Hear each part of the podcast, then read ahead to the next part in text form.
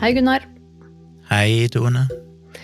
Og hei og velkommen til deg som hører på, til en helt ny og fersk, frisk eh, episode av eh, Virkelig grusomt. Vi forteller jo her virkelige historier om grusomme hendelser. Gunnar, hvordan går det med deg? Det går egentlig mye bedre enn før. Men uh, mye bedre enn den siste måneden. Ja, det er bra. Det er godt å høre. Men nå Jeg sitter skal- vi jo på hver vår plass òg, igjen. En remote-innspilling, den andre.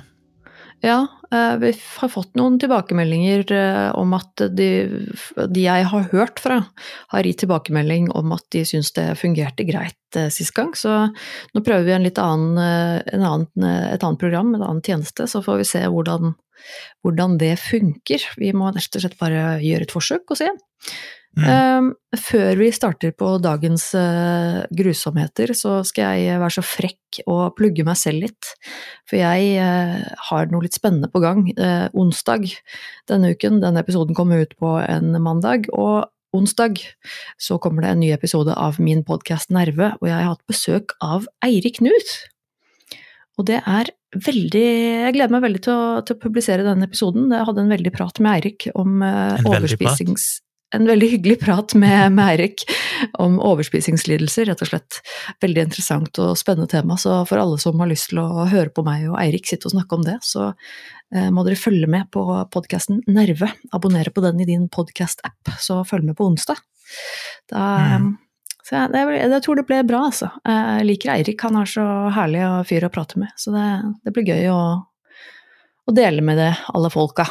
Og det handler ikke om astronomi. Faktisk ikke. Det er nesten litt synd å ha med Eirik og så ikke snakke om uh, uh, astrofysikk eller astronomi og sånn, for det- han er jo så Han er jo som en egen Han er jo som et leksikon, han der, den mannen der. Men, uh, men det er veldig det var, Jeg syns det ble en bra episode likevel. Og så viser det jo bare at Eirik kan mye mer, han enn bare astrofysikk. Og hvis det er noen som vil høre han snakke om det, så har jo vi hatt han som gjest i Dialogisk, meg og Dag Sørås, Mm. to ganger. Ja. sjekk ut podkasten Dialogisk for ja, det er vel et par-tre år siden nå, kanskje, men uh, det er to episoder med Eirik Newth som uh, gjest, og de var veldig, veldig morsomme. Ja, så vidt jeg husker, så Jeg er jo med dere og jobber som liksom, assistent på den podkasten. Så vidt jeg husker, så var de to episodene av Dialogisk hvor Eirik Knut var med, de var eh, noen av de mest populære episodene. Mm. Eh, Så det kan jeg godt forstå. Han er utrolig artig å høre på, altså. En Kul fyr. I dag eh, skal vi jo ta en eh, ny grusom historie. Ja. Før det så må jeg jo bare minne på at vi har ei Facebook-side som heter Virkelig grusomt podkast. Gå gjerne inn på den og like sida, eller følg sida, så du får med deg nye episoder som blir posta, og av og til en livestream med meg og Tone. Mm, hender det jo, faktisk. Og så har vi jo en mailadresse som er virkelig grusomt at gmail.com, som er hyppig brukt, og i dag skal jeg eh, benytte meg av den atter en gang. De, ja, et flertall av de siste episodene har jo vært basert på lyttertips, Mm. for vi har så mange av de. Og denne gangen er det rett og slett det nyeste tipset, det popper inn et tips, og så av ren latskap så så jeg på det øverste tipset i innboksen, og det var Hanne Mari, eller Hanne Marie, alt etter hvordan det uttales, som kom med et veldig enkelt og greit tips. Um, jeg uh, googla navnet til den personen som hun tipsa om. Skal jeg være kritisk, så er det alltid greit når dere sender tips at dere skriver to setninger om hva saken handler om, men så Mm. lenge det iallfall er, eller legger med inn et par linker i tillegg til det. Eh, men her var det iallfall et navn jeg kunne kjapt google, og da fant jeg jo ut litt om, om hun, så vi skal ta den i dag. Og Da- eh, Ja, nei, nei, da du nevnte, nevnte den, eh, at vi skulle snakke om, eh, om Catherine Knight, så fikk jeg eh, litt sånn Jeg ble litt sånn Hæ, har vi ikke hatt den saken før? Men det er nok bare fordi at jeg har Jeg har hørt om den saken før. At jeg har vært borti den saken. Og jeg husker det trynet til hun dama her så godt, for jeg syns hun er så ekkel. så, eh, så ja, nei, jeg måtte bare si det. Men jeg, jeg, kan, jeg kan ikke huske at vi har hatt den i podkasten, så det er nok bare jeg som har eh, sett noe på YouTube eller et eller annet. ja, vi har ikke hatt den, for jeg kjente ikke til historien. Nei. Jeg følger ikke så godt med som du gjør på sånne ting. Men det var jo en interessant eh, historie. Igjen er vi jo tilbake igjen i litt eh, klassisk true crime. Mm. Men i motsetning til vanlig så skal vi ikke til USA. Vi skal til Australia. Mm. Og eh, alltid litt kjipt når det er sånn eh, Inne på Wikipedia så er det en eh, artikkel om hun som heter Catherine Knight, men så står det jo i starten sånn For the Canadian artist and documentary filmmaker, see Catherine Knight, artist, altså det er en lønk Mm. Alltid kjedelig å dele navn med sånne grusomme folk, så når folk søker opp navnet ditt, så kommer det inn på en artikkel om en eller annen grusom person. Ja. Men vi skal altså snakke om eh, Catherine Mary Knight, som ble født 24. oktober 1955.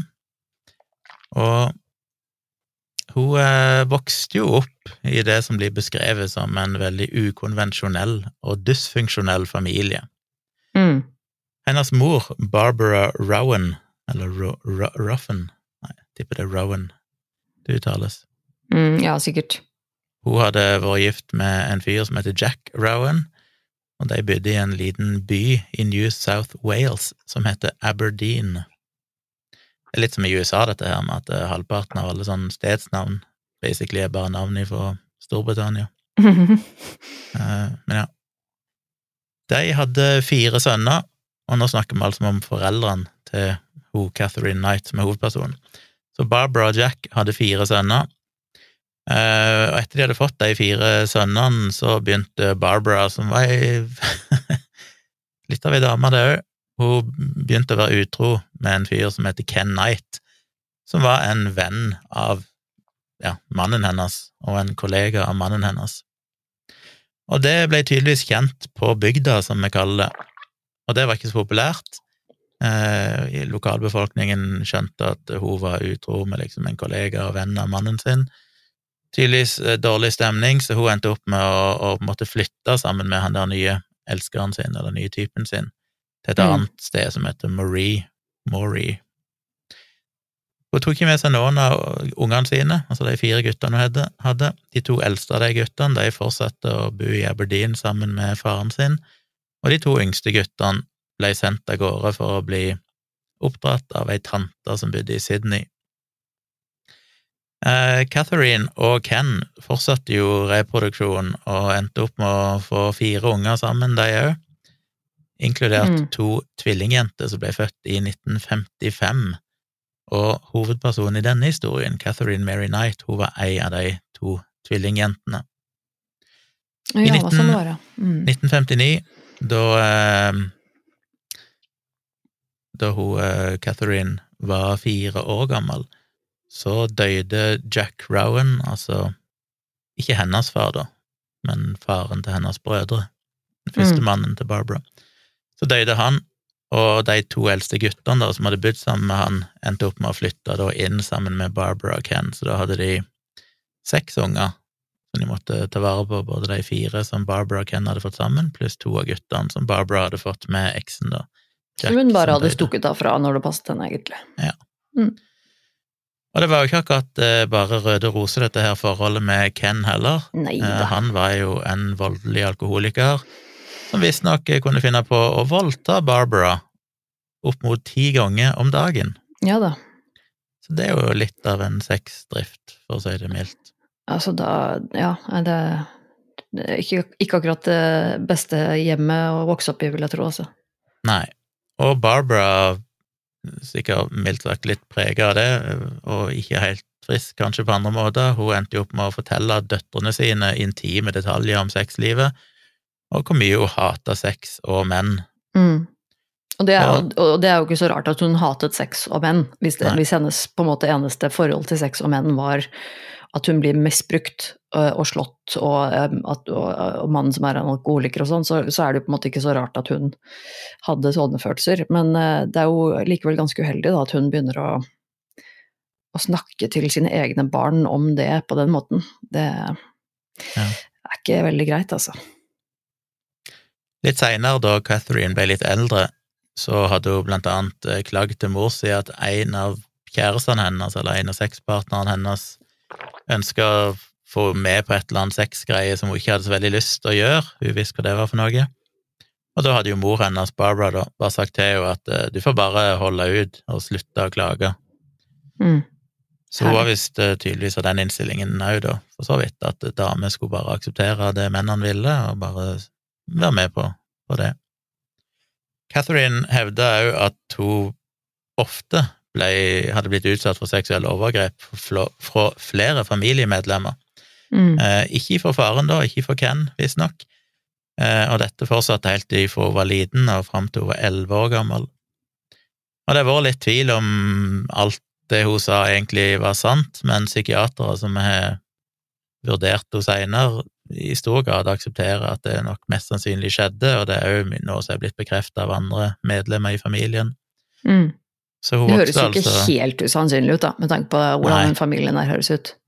Så hun har en eh, ja, forferdelig foreldre, eh, og i tillegg da vært utsatt for overgrep i hele oppveksten, så det legger jo grunnlaget for eh, det som kan gå ganske skeis etter hvert, Ja, kanskje. det, det er jo bare en grusom oppvekst. Jeg har jo ikke noe gode, godt utgangspunkt i det hele tatt for å få et eh, velfungerende sinn her.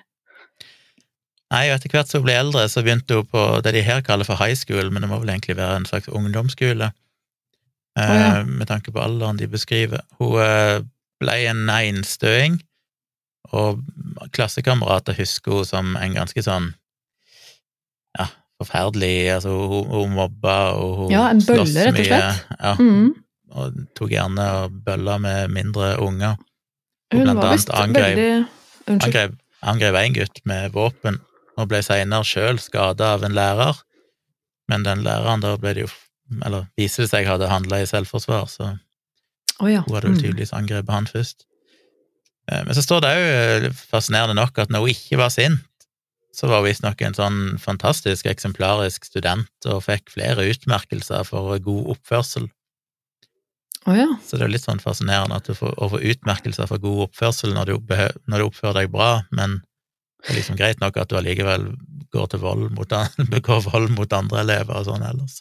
Ja, ja, det er jo litt eh, rart, men jeg lurer på om jeg hørte noe Det var noe Husker jeg ikke, så en video eller om jeg leste noe eller et eller annet, eh, hvor de nevnte da at de også var litt sånn selvmotsigende, men at det muligens var snakk om at hun at hun hadde en tendens til å på en måte være eh, Oppføre seg ordentlig i timen og sånn, altså i undervisningen, og at hun ikke var noe dårlig elev, men at hun da utenom, utenom det var eh, det de andre vil kalle en en skikkelig bølle og mobber, og at hun var rett og slett ikke god å ha med å gjøre i det hele tatt. Ja, det gir jo mening, men det gikk jo ikke så bra med henne på skolen heller, da, for etter hun forlot skolen og var ferdig i en alder av 15, Mm. det er derfor, det er derfor high school må ha vært en slags ungdomsskole. Det er Mm. alltid rart i forskjellige land, så er jo high school og sånne forskjellige ting, men, eh, men ja. Eh, Da hun gikk ut av skolen i en alder av 15, så hadde hun fortsatt ikke lært seg å lese eller skrive, Nei, stemmer det. så eh, det er jo ikke gått så veldig bra med henne på skolen. Nei. Men da hun slutta, så begynte hun å jobbe, og husker på at nå er vi jo på 60-tallet. Eh, hun begynte å jobbe da som en som skjærer opp kjøtt, ja, kjøtt, rett og slett. Slakter. Ja. Eh, Eller nå sa jeg feil. Først så begynte hun å jobbe i en klesbutikk, eh, ikke klesbutikk, men en klesfabrikk. Oh, ja, ja, liksom det skar opp klær, da. Men et år seinere så fikk hun jobb med å skjære opp kjøtt på en eller annen Ja. slags eh, Også en slakter. slakteri. Og, og så da beskrev hun uh, visstnok da, at dette var drømmejobben hennes. Ja. Det. det er ganske spesielt få jobb eh, hos en slakter med å drive og eh, partere dyr og, og skinne og sånn, og det bare sånn Hei, det er drømmejobben min. Ok. Der ble hun til og med promotert etter hvert til å bli eh, jobbe med det som kalles for boning. Eh, Ja. Som ikke er å bone gulv, men Er ikke det er sånn fint norsk ord òg for det? liksom, Eh, det er kanskje det, vet jeg ikke. Ja, Skjære kjøtt av bein, tydeligvis. Mm. Og da fikk hun sitt eget sett med slaktekniver, som Mm. hun var veldig stolt av, og de hang hun rett og slett på veggen over senga si, sånn at hun alltid, ifølge hennes egne ord, var beredt eh, og hadde tilgang på de hvis hun skulle trenge de. Det Og det altså fortsatte hun hvis med resten av livet, basically, og alltid har disse slakteknivene hengende på sida av senga si, uansett hvor hun bodde hen. Det er en ganske spesiell dame det her, altså. Når du får drømmejobben Ja. som slakter, og så får du et sett med slaktekniver som du henger opp over senga di og er skikkelig stolt av, liksom. Det er, det er ganske spesielt. I en alder av det som må være ca. 18 år, altså i 1973, så ble hun kjæreste med en av sine kollegaer på dette slakteriet. En eh, fyr som heter David Stanford Kellett. Og Mm. Kellett, han var eh, glad i å drikke, han òg. Men han hadde på en måte en grunn til at han døyva sine sorger i alkoholen, og det var at han hadde opplevd to veldig traumatiske hendelser tidligere i livet, eh, da han jobba i et jern, eller jobba i Jernbaneverket, eller jobba med jernbanen. Det ene var at hans beste venn ble drept rett foran øynene på han i en eller annen eh, togulykke, og litt seinere så havna han i en situasjon der en eh, skolebuss ble truffet av et tog, og han Oi. måtte da inn og redde ut flere av de som var inni der, selv om flere av ungene ble drept og sånn. Oi. Så han eh, sleit tydeligvis ganske mye og, og drakk ganske heftig, og endte opp med å miste jobben sin der, da. Men så fikk han istedenfor eh, jobb på dette slakteriet etter hvert, og ble en god venn av en av brødrene til hun Catherine Knight, og sikkert på den måten de etter hvert ble kjent og ble kjærester. Mm. Men Catherine var jo ikke akkurat eh, mors beste barn, hun heller, som vi vet, så det hvis Kellett i fylla sånn endte opp i slåsskamp, så var ikke hun eh, vanskelig å be om å, å backe han opp med knyttenevene sine, så hun deltok gjerne i slåsskampene. Ja. Og i Aberdeen, der de bodde, så var hun veldig godt kjent for å være en person som gikk rundt og trua folk med vold hvis de på noen slags måte gjorde henne lei seg, eller gjorde henne sint, eller irriterte henne på noe vis. Så de endte opp med å gifte seg i 1974. Da var vel hun bare 19 år gammel, etter de hadde vært sammen i maks et år. Og de endte jo da opp, eh, når de møtte opp i bryllupet, eh, etter hennes eget ønske, da, så kjørte hun en motorsykkel, mens han satt bakpå på setet, eh, veldig, veldig berusa. Og da de kom fram og skulle liksom gifte seg, så tok mora, altså hun tidligere nevnte Barbara, tok han Kellett til sides for å gi han litt eh, råd, og hun sa rett og slett at vær forsiktig med henne her. Ja, stemmer Eh, det. pass deg, ellers kommer hun til å fuckings drepe deg. Hun kommer til å drepe deg. Ja, det Hvis du stemmer. irriterer henne eller gjør et eller annet galt, så ja, bare pass deg. Bare ikke engang tenk på å være utro mot henne, for da kommer hun til å drepe deg. Tenk deg Eh, er svigers, liksom. Hun er en skrue løs, det er et eller annet galt med liksom. Ja, stemmer det. At hun har en skrue løs, at det var et eller annet Ja, det er sant, det. Herregud, tenk deg å få den beskjeden på bryllupsdagen da, fra svigers. Bare du, ehm, du burde passe deg litt, ellers så dreper hun deg, liksom. Det Og det hadde hun jo definitivt rett i, for allerede på bryllupsnatta så prøvde jo da Catherine Knight å kvele mannen sin, yep. Kellett. Og grunnen til at hun prøvde å kvele han, var fordi hun var så misfornøyd fordi at han hadde sovna etter at de hadde hatt sex bare tre ganger. Mm. Så eh, ja, Ja, det var ikke bra nok, tydeligvis. glad i, glad i sex hun er. Jo. Og selvfølgelig så var jo dette da et veldig voldelig forhold. Eh, det skjedde mye grusomme ting, eh, mens Knight og et eller annet litt seinere var ganske sånn langt på vei gravid, så endte hun opp med å brenne alle klærne og alle skoene til Kellett, før hun Mm. slo han så hardt i bakhovet med ei stekepanne at han fikk eh, eh, ja, ganske sånn heavy knusninger i skallen. Mm. Eh, og grunnen til det var at han hadde kommet hjem litt seint etter å ha deltatt i en sånn pilkasting eller dartkonkurranse, for det hadde jo gått så bra at han hadde kommet til finalen, så da ble han litt forsinka. Mm. Eh, Kellett ble jo selvfølgelig livredd og stakk ut av huset etter han hadde slått henne i bakhovet med stekepanne og kollapsa inne hos noen naboer. Etter at hun hadde han, slått ja. han. Og da måtte han få selvfølgelig behandling for å ha fått eh, knust skallen sin. Mm. Og politiet ønska jo da å sikte Knight for dette her, Catherine, men hun klarte jo selvfølgelig å smiske med han og endre helt oppførsel, og klarte å få han til å liksom rett og slett bare droppe hele anmeldelsen mot henne. Så Mm. det ble ikke noen sak av det. I mai 1976, kort tid etter at deres første unge ble født, ei jente som heter Melissa Ann, så forlot rett og slett Kellett Knight og flytte inn med ei annen dame i Queensland fordi at han orka ikke lenger å leve med Catherine Knight og, måtte holde ut all denne her misbruket han ble utsatt for, og volden. Står det ikke noe om den bikkja der? Ja, det kom til det. Okay. Eh, dagen etterpå, etter han hadde stukket av, så eh, var det folk som så at Catherine Knight kom gående ned langs hovedgata i byen der med den nye babyen, nyfødte babyen, i ei barnevogn, men hun drev liksom og slang og, og ja. ja, rista på barnevognene fram og tilbake ganske sånn ekstremt, så hun ble Ja. Ja, hun hadde også drevet og tatt barnevognen med dette spedbarnet og, og, så kjørt den inn i sånne gjerder og sånn. Altså at hun hadde vært sånn skikkelig drittforbanna på ham for at han hadde ja. stikket av, og så hadde hun tatt, og, altså, tatt det utover spedbarnet og bare mishandla den der barnevogna med barne, barne, barnet inni. Det er jo helt sykt! Tenk deg for et syn det må ha vært. Herregud. Så hun ble lagt inn på sykehus, Eh, og Der fikk hun diagnosen eh, fødselsdepresjon og endte opp med å være der ganske mange uker mens hun prøvde å bli bedre. Men så fort hun ble sluppet ut fra sykehuset, så tok hun dattera si, som da var to måneder gammel, altså lille Melissa Ann, en to måneder gammel baby, og plasserte henne på jernbanelinja mm. kort tid før det var venta et tog. og så forlot, forlot hun ungen sin liggende på jernbanelinja, og så gikk hun og stjal en øks og reiste inn i byen og gikk rundt og trua med å drepe diverse folk der inne. Heldigvis var det jo en eh, hjemløs mann som ble kjent, eller som var kjent som Old Ted, som gikk rundt langs jernbanelinja der og tilfeldigvis fant denne babyen da, og klarte ja. å redde og få babyen av sporet, visstnok eh, bare noen få minutter før dette toget endte opp med å ja. kjøre forbi. Det er helt sjukt, altså. Så Knight ble umiddelbart arrestert igjen og igjen lagt inn på sykehuset, men klarte visstnok å komme seg til hektene igjen, og allerede dagen etterpå så skrev hun seg sjøl ut og fikk lov til mm. det. Noen dager seinere så gikk hun til angrep på ei dame og kutta ansiktet hennes med kniv og trua henne til å kjøre henne til Queensland for å finne da denne mannen sin, Kellett.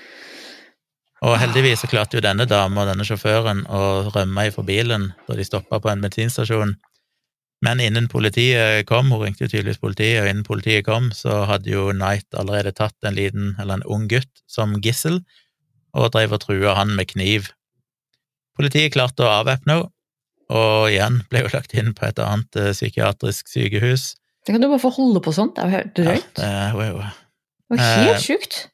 Og der fortalte hun sykepleieren på dette sykehuset at hun hadde egentlig tenkt å drepe en av mekanikerne på dette, denne bensinstasjonen, fordi han visstnok hadde reparert Kellett sin bil, og det var det som hadde gjort at han hadde muligheten til å stikke av ifra og kjøre til Queensland. Ja, vel, og det fortjente han jo da å dø for denne bilmekanikeren. Ikke sant. Eh, og etter han hadde, etter hun hadde drept bilmekanikeren, eh, hvis hun hadde klart å gjennomføre planen sin, så hadde hun tenkt å reise til Queensland og drepe både Kellett og mora hans når hun kom til Queensland. Mm.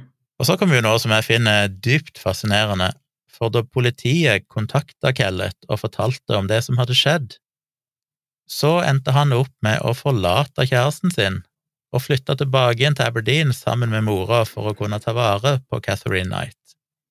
Mm. Så etter at han hadde blitt informert om at hun var på vei for å komme og drepe han og mora, så tenker han da må jeg ditche dama mi og heller flytte tilbake igjen og være sammen med, med Catherine Knight. Gudene vet hvordan rasjonale det der, enten er han bare ekstremt uh, sympatisk fyr? Nei, jeg tenker jo at Eller så er han livredd? Ellers ja. Jeg, altså jeg, jeg, jeg, tenker jo med en gang på altså andre, andre liksom, holdt jeg på å si, klassiske tilfeller av domestic abuse, altså at en av partene mishandler den andre, og så er det jo ikke så lett for den andre for å bare stikke av. Altså det er jo man, jo, man er gjerne redd, og, redd for at det skal ha konsekvenser hvis man stikker av eller og sånne ting. ikke sant? Og man er jo glad i vedkommende selv om, selv om vedkommende er slem iblant, ikke sant? og det er så mye løfter og, og sånne ting. Jeg tenker meg liksom at um, at han sikkert er glad i Catherine likevel, da. Og at han er Og at han da kanskje Det virker jo ikke som om han Altså, det lille vi vet om han, så har jo han tydeligvis ikke hatt et veldig lett liv. Han virker jo veldig traumatisert og veldig uh, Ja, jeg vet ikke. Altså, det virker jo ikke som om han fungerer veldig enkelt selv heller. Han er sikkert veldig lett manipulert, og sikkert ganske, holdt jeg på å si, ødelagt på sitt vis, da. Eh, så når hun ja. da på en måte uttrykker at eh, nei, fuck you, altså kom tilbake her, eh, eller og du får ikke lov å stikke av fra meg, eller et eller annet sånt noe, så kanskje han bare ok, greit. Men de har jo en unge sammen òg, så det kan jo være at han tenkt Ja. at ok, han må kanskje, hvis han har hørt hva hun gjorde med ungen, at ungen ble satt i Ja, og så kanskje det ble litt sånn at ok, for å spare livet mitt og til mamma, ikke sant, så må vi bare tilbake. Ok, greit, hun kommer til å drepe oss eller bli helt gæren hvis ikke vi kommer tilbake. Vi må bare komme tilbake. Mm. Altså at det var litt, litt sånn, da, kan jeg se for meg. Og at, og et, jeg kan jo lett se for meg at, at dette her er en dame som man er redd for. Hun er jo totalt ustabil og veldig voldelig, så jeg tenker at eh, jeg, man, Kjipt for den nye kjæresten, da, for de hadde jo vært sammen noen måneder på det tidspunktet. Oh. At han bare sier sånn Nei, du, jeg stikker tilbake igjen til eksen min som prøvde å Ja, drepe nei. meg. Herlighet. Ja, litt forvirrende, men ok. Hun Ja. eh, slapp ut igjen av dette sykehuset, da, eller psykiatriske sykehuset, den eh, 9. august 1976, og ble da reiste hjem for å bli tatt vare på svigermor si og Kellett. Mm. Eh, De flytta til Ipswich, som igjen er navnet på en engelsk by. Ja, det det. Eh, eh, en eh, by i Australia som ligger litt vest for Brisbane. Skulle nesten tro at, at UK hadde hatt noe med Australia å gjøre opp gjennom Ja, historien. kunne nesten mistenke Eh, De er så dårlige, alle som her som utvandra til Amerika og sånn i gamle dager, og de som utvandra til Australia, så bare ender de opp med å kalle byene for det samme som Mm, byen de kom ifra, eller noe sånt. Uoriginalt. Ingen originalitet. Men de flytta iallfall, og da endte hun igjen opp med å jobbe på et sånn eh, slakteri eller et eller annet eh, kjøttgreie. Eh, Og der bodde de noen, noen år, for nå skal vi fram til 6. mars 1980. For da fikk hun sammen med Kellett enda ei datter, som de kalte for Natasha Murray. Uff. Og i 1984, fire år etter det igjen, så stakk Catherine ifra Kellett og rett og slett flytta ut. Først flytta hun til sine foreldre sitt hus i Aberdeen, der det hele starta, og så flytta hun etter hvert inn i et hus hun leide sjøl, i, eh, i nærheten der. Og hun begynte å jobbe igjen på dette slakteriet, men ganske kort tid etterpå, et år seinere, så skada hun ryggen sin og endte opp med å bli ufør. Og ja. begynte da å motta holdt å si, en eller annen form for trygd eller noe sånt, Mm. eh, som hun levde av. Og fikk seg òg et hus etter hvert av myndighetene, som hun fikk lov å bo i. Etter dette, hun var jo nå alene igjen med sine to døtre, men hun gikk jo inn i en del andre forhold. Eh, I 1986, og da er vel hun 31 år gammel, så møtte hun en fyr som heter David Saunders, en 38 år gammel gruvearbeider. Og bare noen måneder etter hun hadde møtt han, så flytta han inn til hun, sammen med de døtrene hun hadde, altså. Mm. Eh, Men han beholdt sin gamle leilighet i en by eller et eller annet som heter Scone. Men Mm. Catherine Knight, hun var veldig sjalu av seg, og ble veldig sjalu og redd for hva han eventuelt fant på når hun ikke var der, og endte stadig vekk ut med å bare kaste han ut av huset, og da flytta han tilbake til leiligheten sin, og så fulgte hun etter og begynte å trygle og be om at han skulle komme tilbake igjen. Mm. Det er jo alltid hyggelig med sånne typer forhold. Eh, og så, i mai 1987, så møtte hun opp og, og rett og slett tok hans to måneder gamle dingo-valp Mm. og skar over strupen på denne valpen rett foran han. Bare helt uten noen grunn, bare for å vise, liksom statuere et eksempel på hva som kommer til å skje hvis han noen gang fant på å være utro mot henne. Og deretter så tok hun ei stekepanne og slo han bevisstløs. Altså. Så det er jo et, eh, selvfølgelig et trivelig forhold å være i. Eh, Et år seinere, i juni 1988, så fikk hun en tredje datter, Sarah. Nå må denne kjerringa her slutte å klemme ut unger. Det er Ja. helt utrolig. Og jeg blir så forbanna. Er, nei, fordi at selvfølgelig kan man jo bare lage et barn til. Det er så, det er så flott og fint. Altså, fuck, altså. Stakkars disse ungene. Å, herregud. Hvor mange unger er vi oppi nå, egentlig? Hun hadde jo Dette er tredje hennes, da. Mora fikk jo mange. Hun fikk Ja, jo moren som hadde masse, og så fikk hun ja, åh, Nei, tre unger er tre for mange, altså, for hun. Jeg har gått litt i surr. Hun fikk vel de to første med han uh, Kellett, Mm. og den siste her regner jo med, da, var med han David Saunders. Mm.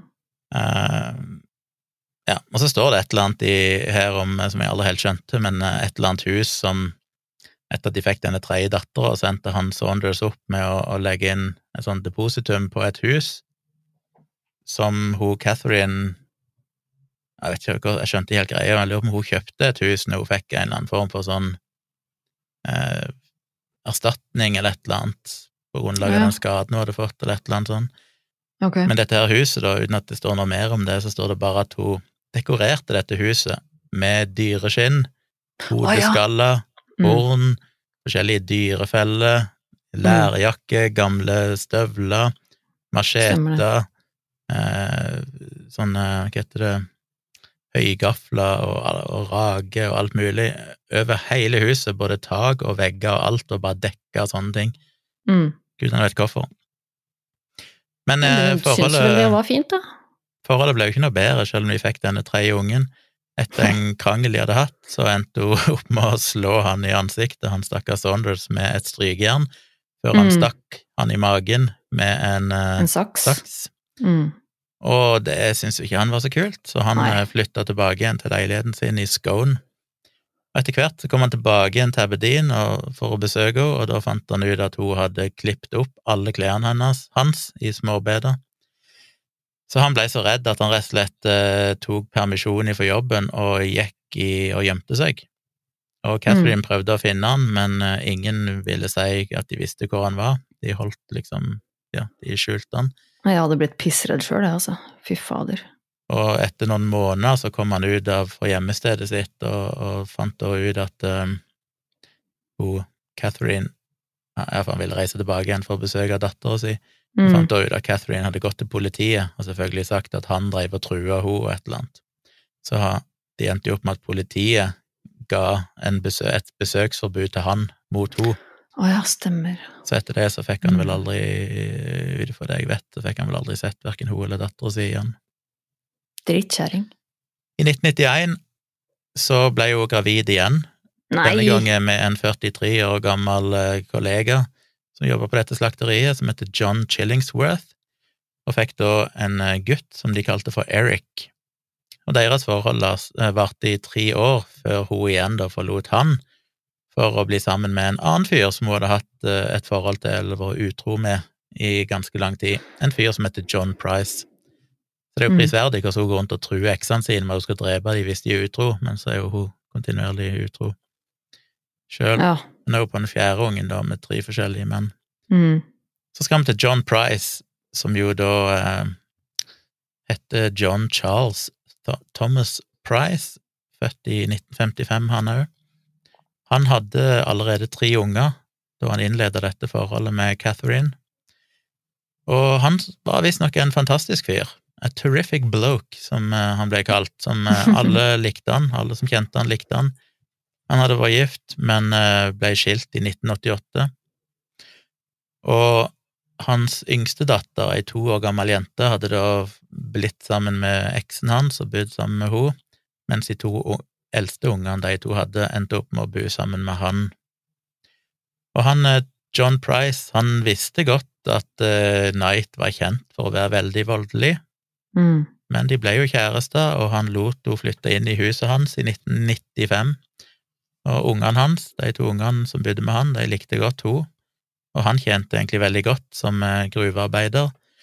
Så bortsett fra at de hadde noen voldelige krangelsituasjoner, så var visstnok eh, livet en dans på roser i starten. Det var et forhold som visstnok fremsto som veldig greit ei stund. Men så i 1998 altså tre år etter at de møttes, så hadde de igjen en ganske drøy krangel, da, fordi at han ikke ville gifte seg med henne, og det syntes ikke hun var noe kult. Så for å hevne seg, så tok hun et videokamera og filma diverse ting på eiendommen som hun hevda at han hadde stjålet fra arbeidsplassen sin, og så sendte hun denne videoen til sjefen hans. Ja, ja. Og selv om eh, alle de tingene hun hadde filma, var noen sånne medisinske greier, sånn sånne medical kits, Mm. som var gått ut på dato, og som han egentlig bare hadde funnet på søppelplassen utenfor det firmaet, så det var jo ikke noe egentlig stjeling, det var bare Nei. søppel han hadde tatt med seg hjem. Så endte de allikevel opp med å gi han sparken, og han fikk Mm. sparken da for en jobb han hadde hatt i 17 år, Mm. Fordi kona bare ville hevne seg. Det var så jævlig drøyt, altså. Så samme dagen han ble sparka, så sparka han hun ut av huset. Eh, Og hun reiste da hjem til sitt eget eh, hus, som hun tydeligvis hadde ennå. Eh, Og ryktene om dette da spredde seg utover byen, så alle visste hva som egentlig hadde skjedd. Men allikevel, som det jo ofte er, noen måneder seinere, så valgte jo allikevel Price å innlede et forhold med henne på nytt, Selv om denne gangen så ville, ville han ikke la henne flytte inn i huset med seg. Men de fortsatte jo som før med å krangle, og det ble mer og mer krangling, eh, oftere og oftere, og han endte jo opp med å miste de fleste vennene sine, for de orka ikke ha noe med han å gjøre så lenge han valgte å være sammen med hun Catherine, fordi hun var så ufordragelig og skummel. Mm.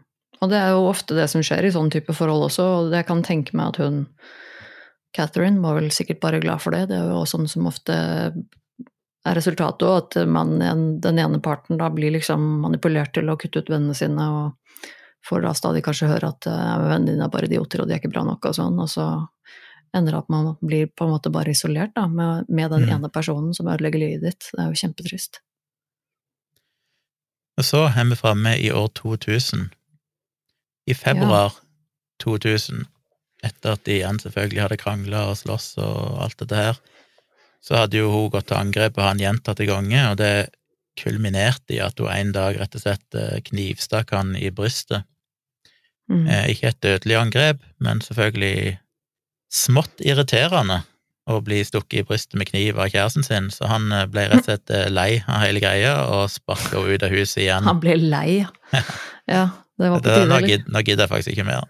Når jeg Knivstikker meg igjen, så er det kanskje nok, ja. Så 29. februar Ja, faktisk, det var et skuddår. Mm. Eh, Så reiste han rett og slett og fikk, seg, eh, fikk tatt ut et besøksforbud ifra henne, for å sørge for at hun ikke skulle komme og besøke han eller ungene hans noe mer. Mm. Så på det tidspunktet var jo han blitt uh, temmelig redd, rett og slett, og skjønte at det her uh, er ikke greit, jeg er jo ikke trygg, hun er jo truende til hva som helst. Så samme ettermiddagen så fortalte han sine kollegaer på jobben at hvis ikke han kom på jobb neste dag, så er det fordi Catherine Knight har drept han. Ja, stemmer det. Han begynte å fortelle kollegaene sine om hvor jævlig hun var.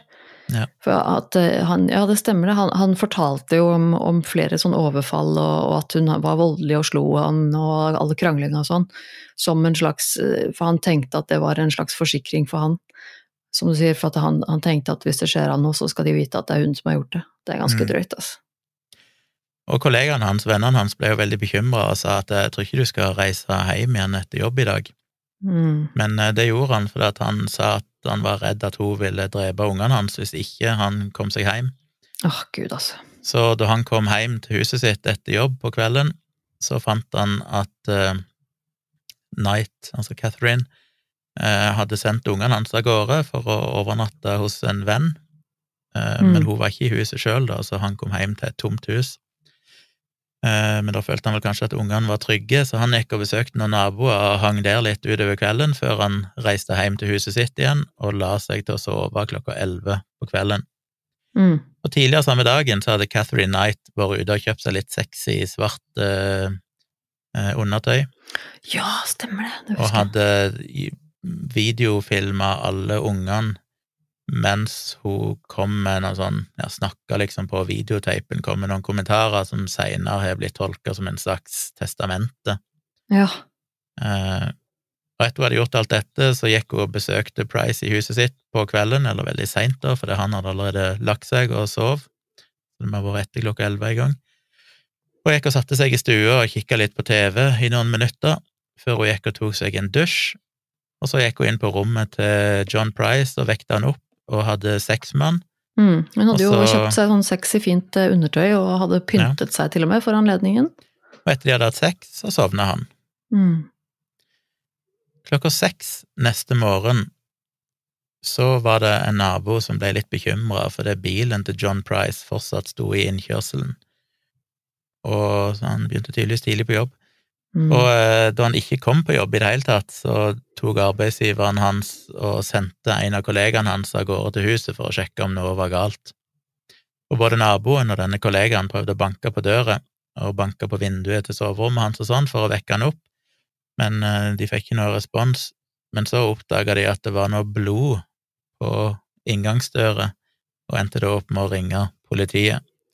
Og Mm. politiet kom og klarte å knuse seg inn gjennom bakdøra og åpne bakdøra, og der fant de da John Price sin livløse kropp, mens Catherine Knight eh, var der òg, men i koma etter å ha tatt en hel mengde med tabletter. Ah, ja, stemmer det.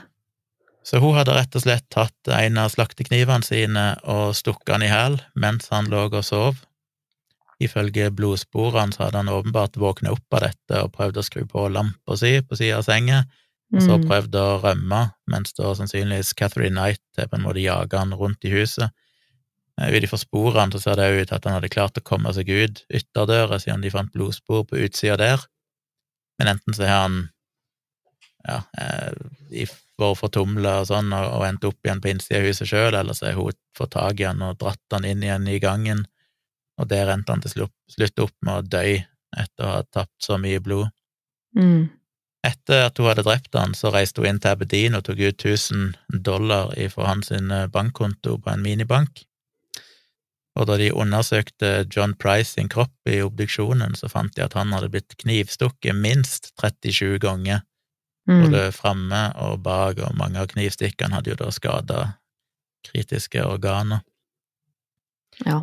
Og så kom jo kanskje det verste, for det var ikke bare det at hun knivstakk han og drepte han eh, brutalt, Neida. Men flere timer etter at han var død, så gikk hun med kniven sin og rett og slett eh, skar av han huden.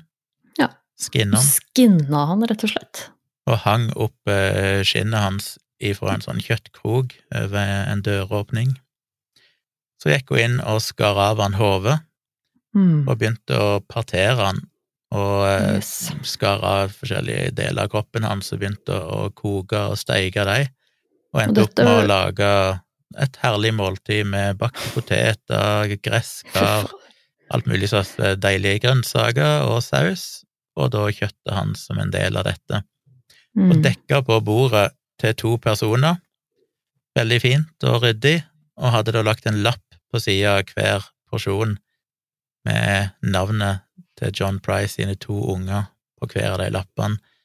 Så det ser ut som at planen var rett og slett å servere kjøttet til faren til Til ungene når de kom tilbake igjen. Ja, det er ganske sykt, altså. De fant en tredje porsjon som var kasta ut eh, på plenen, uten at de vet hvorfor. Henne spekulerte i spekulerte ja. at hun lagde en porsjon til seg sjøl òg, og prøvde å spise det, men klarte det ikke, og så endte opp med å bare kaste det ut av huset. Mm. Eh, Hodet til John Price fant de òg i en kasserolle eh, sammen med noen grønnsaker, Mm.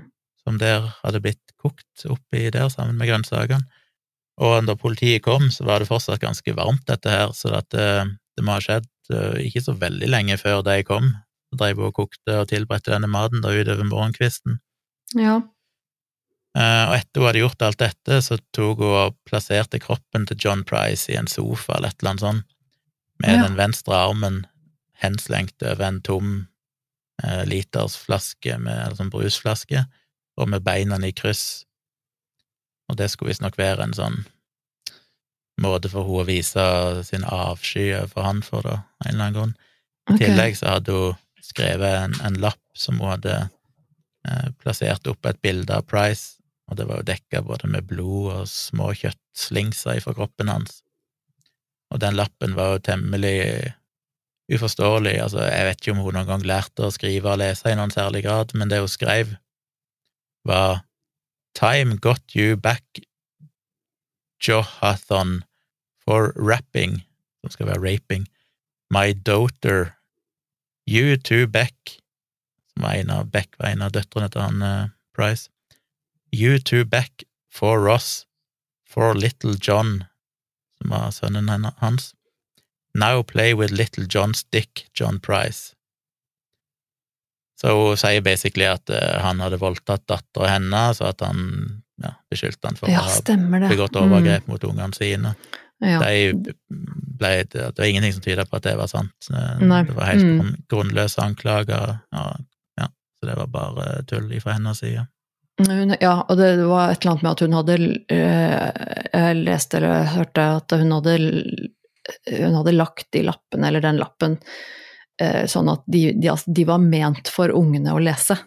Ja. Eh, at hun hadde skrevet den, de- den eller de lappene til ungene, da. Men at de heldigvis ble fjernet av politiet, så de ungene fikk aldri lest dem. Um, men ja, nå skjønner jeg litt mer, altså Time got you back, Johathon uh, Ja, det skal være John, da. For raping my daughter. Altså you too, Beck, for Ross, for Little John, altså anklager han da dattera hans for å ha forgrepet seg på bror sin, er det hun prøver å si? Jeg, husker, jeg, jeg skjønner ikke. Who knows? Bitch is crazy.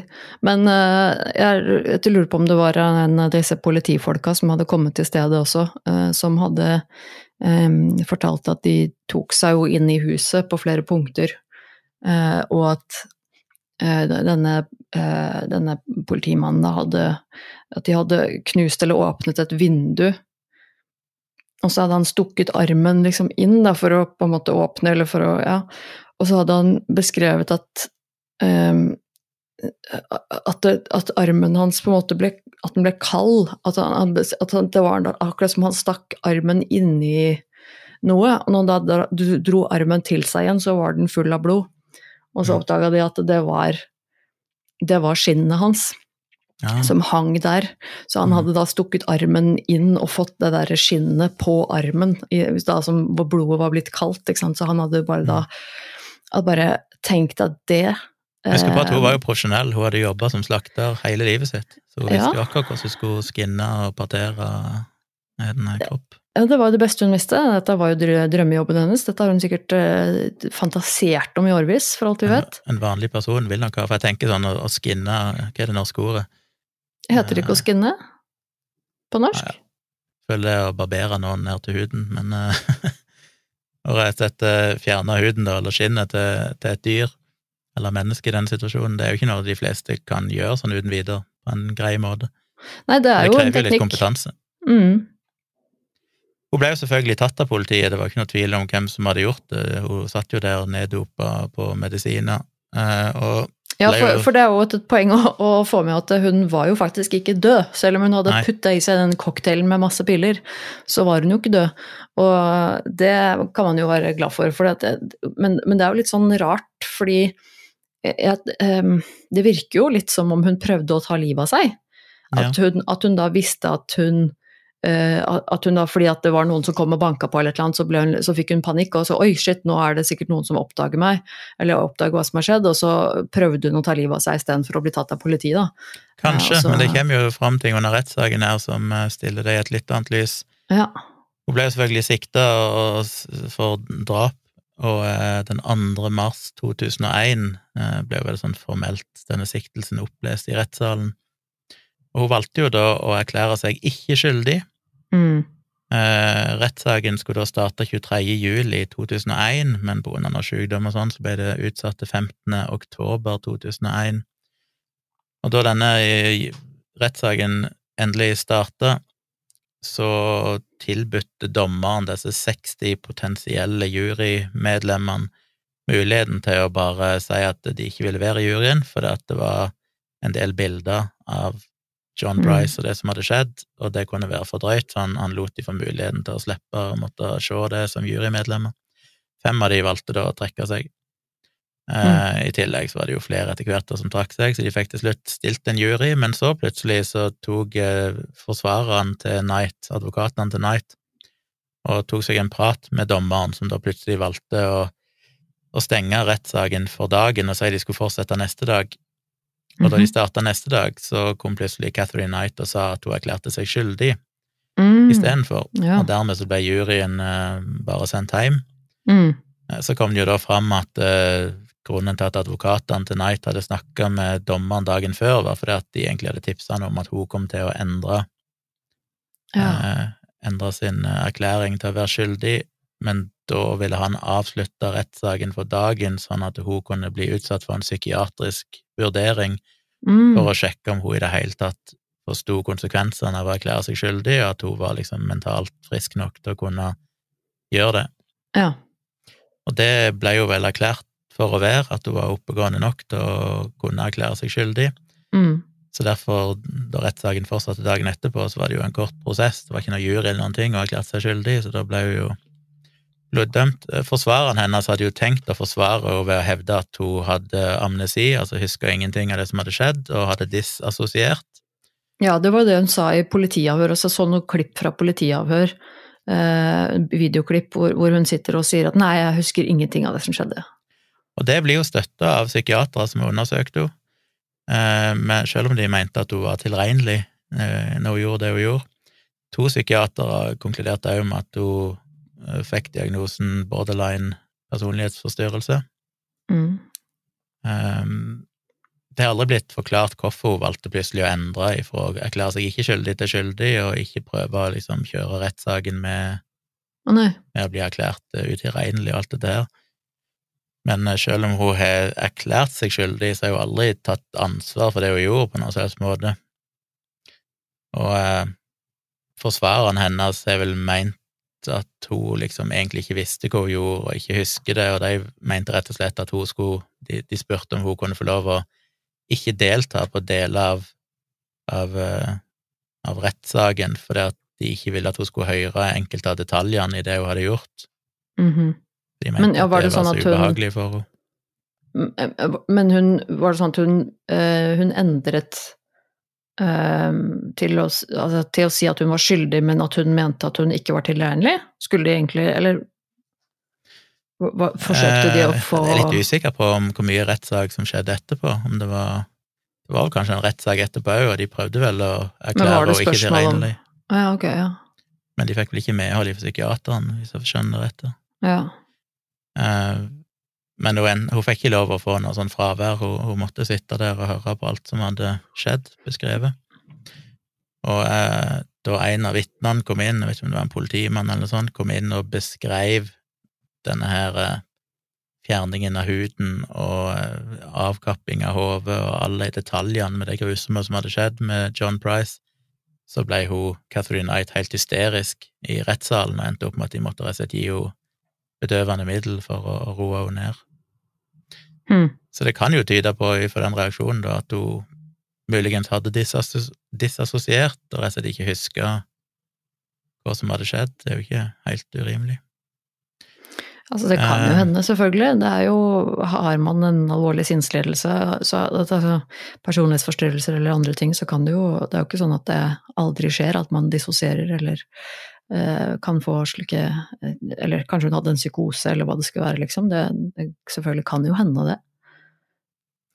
Hun endte iallfall opp eh, med å, å bli selvfølgelig dømt, der dommeren sa at dette her var jo selvfølgelig en ekstremt alvorlig kriminell handling, mm, og òg pekte på at hun ikke viste noe som helst form for anger for det hun hadde gjort, og dermed så måtte hun få en veldig streng straff.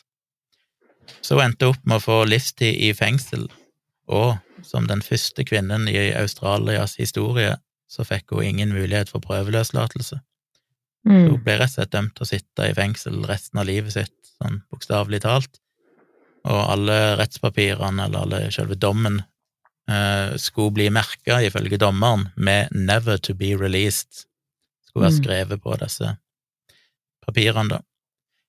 I juni synes... 2006 så, så prøvde hun å anke denne livstidsdommen og mente at det var en altfor streng straff i forhold til det hun hadde gjort.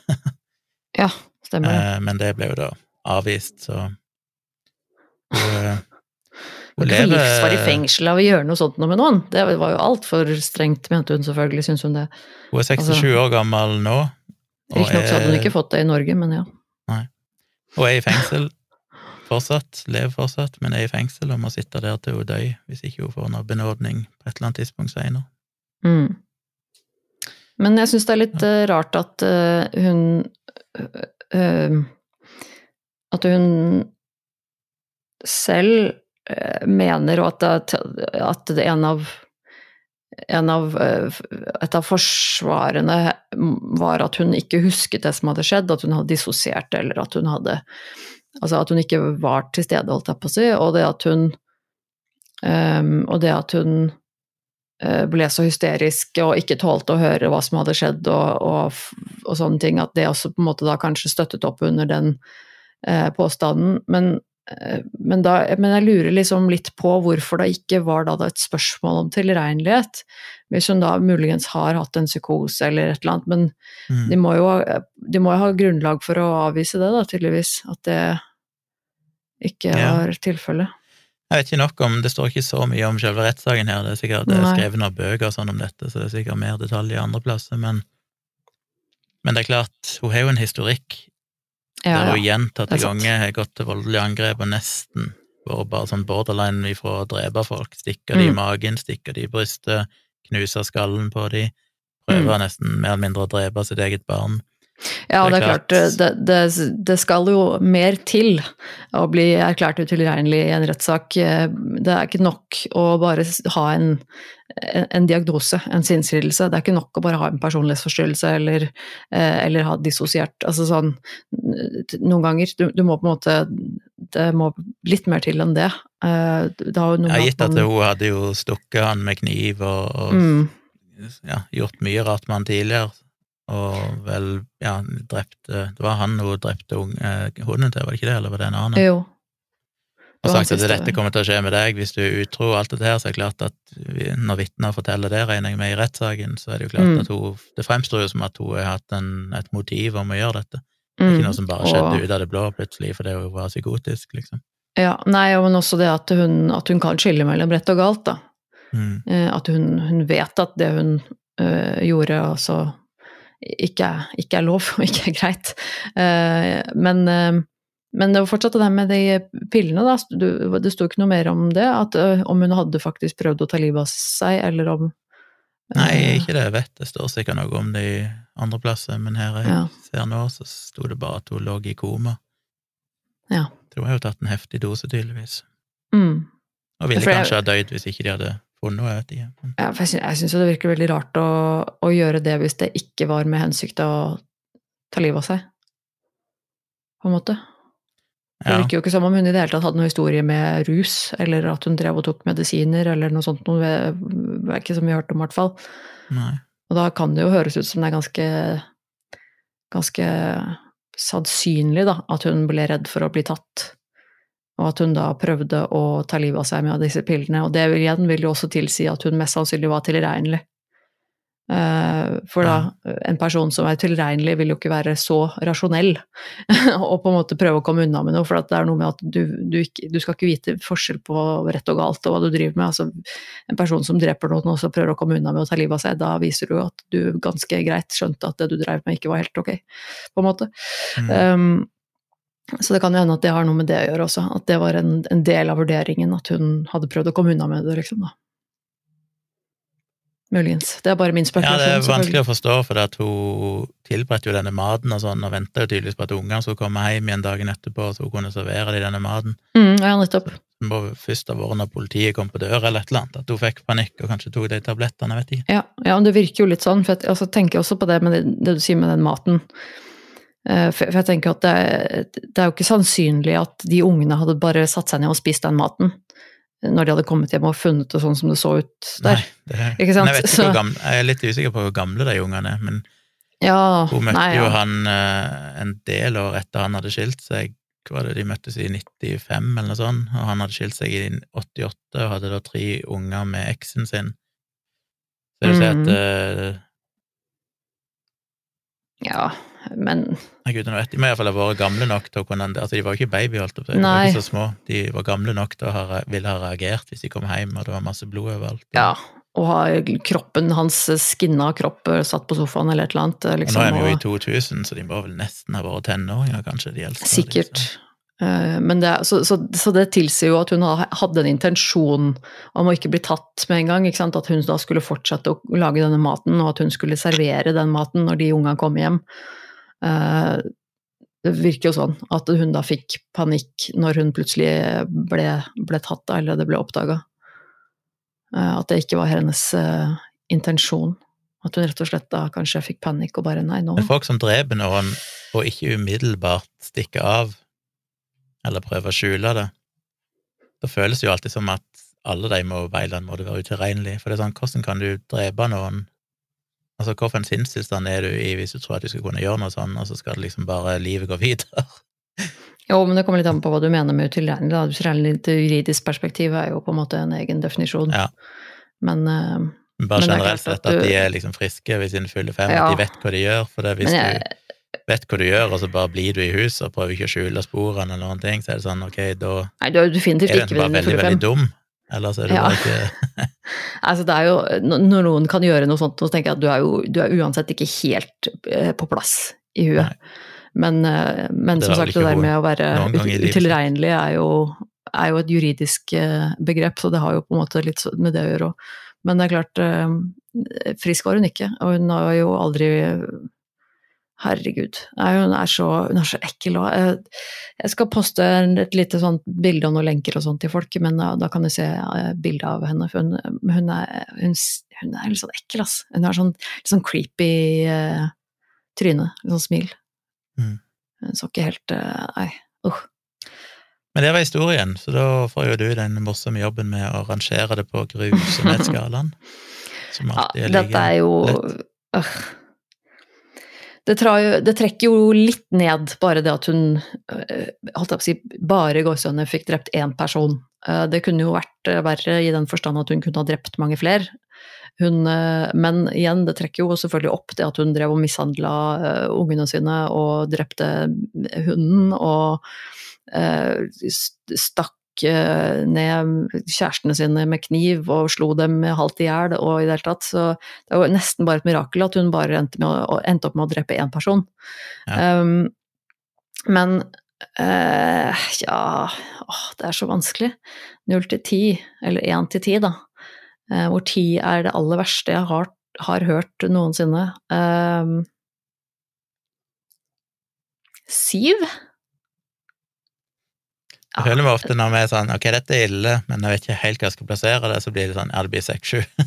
Ja, men jeg tror det er syv, fordi at det er så mange småting underveis i over så mange år som er ganske jævlige ting hun dreiv og gjorde med folk, og hvordan hun behandla folk og sånn. Både barn og voksne. Og dama var jo klin gæren. Eh, men at det, det på en måte Heldigvis virker det som alle overlevde, bortsett fra den stakkars mannen, da. Um, men ja, jeg vet ikke. Altså, det, det er andre ting vi har snakket om i den podkasten her også, som på en måte har virkelig gitt meg eh, eh, klump i magen. Så eh, nei, jeg tror jeg havner på sju, jeg. Hva med deg? Ja. Nei, jeg føler kanskje jeg må gi den sju. Jeg ser i forrige episode eh, om Saudi Flight 163, så ga vi òg sju, begge to. ja. Eh, episoden før det igjen, om eh, beinknuseren Joe Clark, så ga jeg, nei, du seks og en halv, og jeg ga seks. Mm. Episoden før det gjennom ti verste måter å dø på, så ga vi alt mulig rart, for eh, han oh, ja. kule fyren som jeg ikke husker navnet på, som lager dette regnearket med oversikt over alle episodene, og Mm. han har skrevet opp alle rangeringene på alle de forskjellige måtene å dø på, de ti verste måtene å dø på. Wow. Så det er jo. Ja, nei, men, men, det, blir- det, det, men ja, det er jo ikke så rart. Det blir jo ofte sånn, på en måte, for at det er jo bare de verste som havner helt øverst på skalaen. Og så er det jo ganske få av de sakene vi snakker om som er såpass lite grusomme at de havner på en måte helt i bånn. Så det blir jo ofte litt sånn over middels eh, grusomt. Det er kanskje ikke så rart. Nei, jeg ser sånn generelt sett så gir jeg lavere score enn deg. Ja, du gjør det. Du ligger som regel ett eller to poeng over meg. Man sier det om oss, Gunnar? Nei, jeg. Nei, jeg får gi det Jeg er nok enig i at det er sånn Det er jo en forferdelig grusom ting, og hele livet hennes var jo bare grusomheter. Hun var jo grusom mot alle hun ah, var sammen med. Eh, selvfølgelig så opplevde hun grusomme ting sjøl. Hun ble jo banka opp òg For all del, altså. og Det, man gjør som regel ikke så grusomme, jævlige ting uten å være litt skada på et eller annet vis sjøl. Det, det er jo som regel sånne ting som uh, går i arv, holdt jeg på å si. Men, eh, og, det, og det er selvfølgelig veldig trist og tragisk, og jeg kan alltid ha empati for et menneske på den måten. Eh, Det er klart at hun fortjente heller ikke å oppleve det hun eh, fikk eh, vokse opp med. Um, men likevel så ja, det er hennes, hennes ansvar altså når hun er blitt voksen og gjør disse tinga. Men nei, det er ikke noe tvil om at jeg tenker at det, hun skulle nok aldri vært født. De foreldra hennes, de, de klemte nok ut litt for mange unger, altså. Sorry. Men så er det jo det, da, at hun hadde ei tvillingsøster. En må ja, jo anta stemmer at uh, tvillingsøstre har stort sett hatt samme oppvekst og miljø som hun hadde, og allikevel så har jo ikke hun endt opp som en eh, forferdelig Eller vi vet jo ikke det, men Ikke som vi vi vet om, i hvert fall. Hvis hun Catherine Knight ikke hadde endt opp med å drepe noen til slutt, så hadde vel ingen visst om hun heller. Alt det hun gjorde før det, så det er klart, det er jo det å drepe noen som gjør at du faktisk ender opp med å oh, men det er egentlig et godt poeng. Det hadde vært historie. Ja, det hadde vært veldig interessant å vite om eh, historien til tvillingsøsteren hennes, da. Men der har du et kontrollert forsøk. Når du har en drapsperson ja, med en tvillingsøster, så kan Ja. du se hvor mye miljø og arv å bety her. Ja, det er riktignok bare ett tilfelle, da, så jeg vet ikke hvor eh, vitenskapelig Nei, det- høy verdi det har, men, men det hadde vært veldig interessant. Det hadde vært kjempeinteressant å, å høre om søsteren hennes, men det er klart at det er ikke sikkert hun er så interessert i å stå fram. Selvfølgelig. Nei. Men nei, det er jo en interessant sak. Jeg hadde jo hørt om den før, men, eh, men det er alltid eh, interessant å, å få høre det om igjen. Og det er jo en sak som, som har absolutt sin plass i podkasten vår, vil jeg påstå. Ja. Så fortsett å sende inn tips, folkens, til virkeliggrusomt at gmail.com. Yes. Skriv eh, tips til gode historier. Eh, Senest i dag så svarte jeg ei som kom med tips til en historie, men som jeg allerede hadde tatt. Det skjer stadig vekk. Oh, ja. ja, vi er jo kommet opp i ganske mange episoder nå etter hvert, så det er jo kanskje ikke så rart, det. Ja, dette er episode 90, så Mm. I løpet av våren så blir det en episode 100, så det må vi vel feire det òg på, markere det òg på en eller annen måte. Vi får se. Åh, hvor kult hadde det ikke vært å kunne ha en eh, liveshow. Ja. Nå skal vi, skal vi, nå kan vi hinte til noen der ute om kanskje det er noen som har lyst til å invitere oss til å ha et liveshow et sted. Ja, hvis du driver en forening eller et utested eller en uh, bibliotek eller En er venue et assosiert et eller annet sted Ja. som har lyst på, så uh, kontakt i så fall Moderne Media, hadde vært eh, veldig som er kult. produsenten vår. Det er de som i så fall arrangerer det, men hvis du tar kontakt, jeg kan selvfølgelig kontakte dere òg, så kan vi videreformidle det til Moderne Media. Eh, ja, det hadde vært veldig for- kult hvis noen hadde lyst til å booke oss til et liveshow.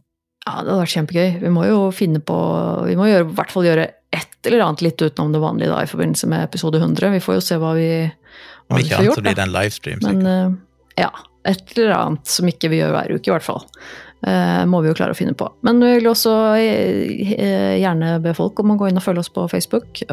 Sjekk ut gjerne ja, siden vår heter Virkelig grusomt podkast. Der finner du også veldig snart, om ikke akkurat eh, om ikke allerede, så i hvert fall veldig snart, en post om denne episoden med litt sånn bilder og, og lenker, og der kan man gjerne kommentere på hva man syns om episoden, og, og rangere på grusomhetsskalaen selv. Det er alltid litt artig å høre tilbakemeldinger fra dere, folkens. Så eh, takk for, eh, takk for tilbakemeldinger og tips, og eh, til alle dere som hører på. Setter stor pris på dere. Ja. Takk for oss. Vi høres igjen i neste uke. Det gjør vi. Ha det! Ha det.